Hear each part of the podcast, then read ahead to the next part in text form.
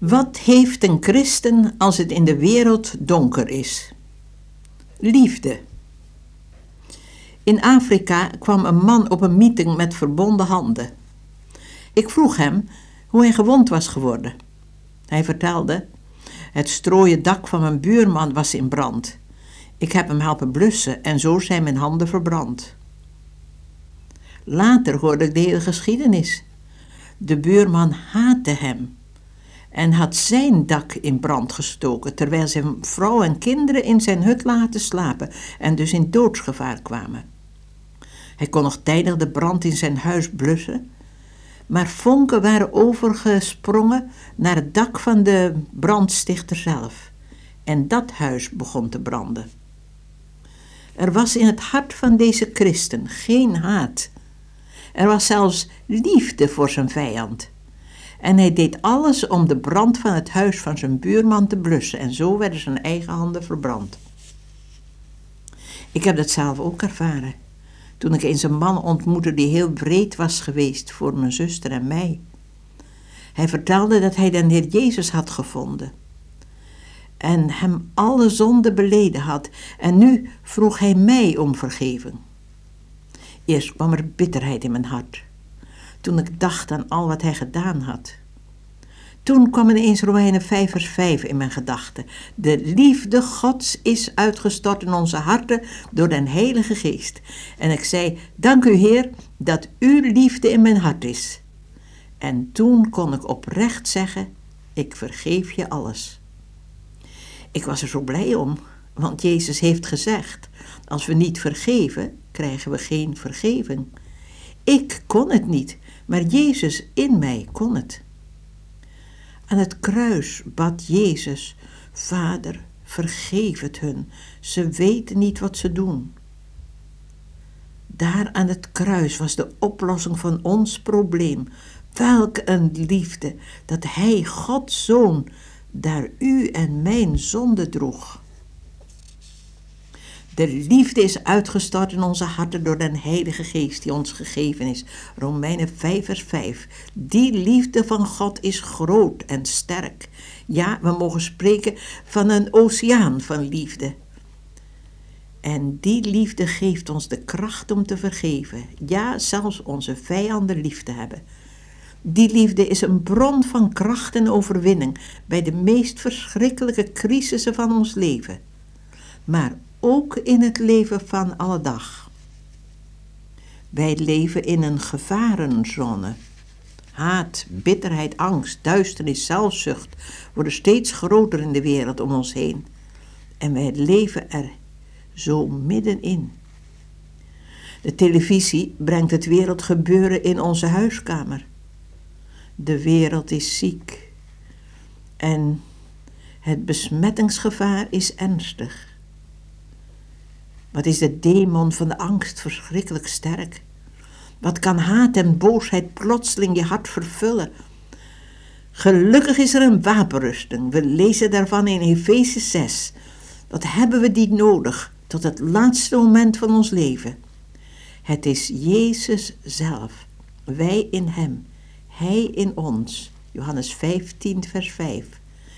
Dat is de nieuwe mens. En de nieuwe mens zondigt niet. Lees dat maar eens in 1 Johannes 2. Hoe komt het dan dat er toch zo'n haat en angst opeens in ons hart kan komen? Dat is de oude mens die zich wil demonstreren en zo is er strijd. Maar met Jezus zijn we overwinnaars. Romeinen 8, vers 37. De Heilige Geest geeft ons vrucht. Galaten 5, vers 22. De vrucht des geestes is liefde, blijdschap, vrede, langmoedigheid, vriendelijkheid, goedheid, trouw, zachtmoedigheid, zelfbeheersing. De Heer Jezus gebruikt het voorbeeld van de wijnstok en de ranken. Een rank die verbonden blijft met de wijnstok brengt vrucht voort. Als we met Jezus verbonden zijn, brengt Hij vrucht voort door ons heen. En dan wint de liefde het weer in ons hart. Wat wij doen moeten en kunnen is onze zonde bij Jezus brengen. Hij vergeeft en reinigt ons. En in een gereinigd hart is er plaats voor de volheid van Gods geest. Wat heeft een christen als het in de wereld donker is? Zekerheid. Colossense 3 vers 3 lezen we, met Christus verborgen in God. Veiliger kan het niet. Ik laat soms als voorbeeld mijn handen zien. Ik doe mijn linkerhand over mijn duim, mijn rechterhand over mijn linkerhand. De duim bent u, ben ik. Jezus is de hand eroverheen. De rechterhand eromheen is God. Veel werkelijker dan dit voorbeeld is met Jezus verborgen zijn in God. Een poos geleden ging ik naar Japan. Ik ging in gehoorzaamheid, maar het begin was heel moeilijk. Ik kende niemand en om in een land te zijn waar je de taal niet kent, geeft je een sterk gevoel van onzekerheid, vooral als je alleen bent. Toen sloeg ik mijn Bijbel open en ik las 1 Petrus 1, vers 3 tot 9. Geloofd zij de God en Vader van onze Heer Jezus Christus, die ons naar zijn grote barmhartigheid, door de opstanding van Jezus Christus uit de doden, heeft doen wedergeboren worden tot een levende hoop.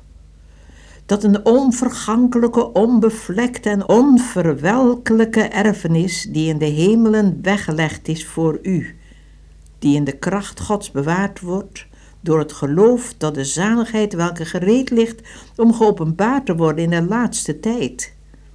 Verheugt u daarin, ook al wordt getans, indien het moet zijn voor korte tijd, door allerlei verzoekingen bedroefd, opdat de echtheid van uw geloof, kostbaarder dan vergankelijk goud, dat door vuur beproefd wordt, tot lof en heerlijkheid en eer blijken te zijn bij de openbaring van Jezus Christus. Hem hebt gelief, zonder hem gezien te hebben. In hem gelooft gij zonder hem thans te zien, en ge verheugt u met een onuitsprekelijk en verheerlijkte vreugde, daar gij het einddoel des geloofs bereikt, dat is de zaligheid der zielen. Wat een zekerheid! Wij bewaard voor de erfenis, de erfenis bewaard voor ons. Ik zag eventjes Gods kant. Het ging toen in Japan al gauw echt fijn. Wonderlijk opende de Heer harten en deuren voor een buitengewoon gezegende tien maanden. Maar het begin was een stukje training geweest. Heel belangrijk is de gehoorzaamheid. Liefde en gehoorzaamheid horen bij elkaar. Dan kan het stormen en toch is er vrede. Jezus was gehoorzaam.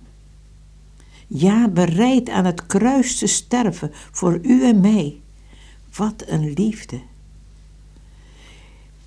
In het centrum van een wervelstorm is alles stil. Ik heb dat meegemaakt in Amerika. De storm ging vlak over ons heen. Het leek wel of we in het midden van een onweer waren. Overal om ons heen was er een bulderende wind. Zware bomen sloegen tegen de grond en toen ineens werd het stil. Niets bewoog.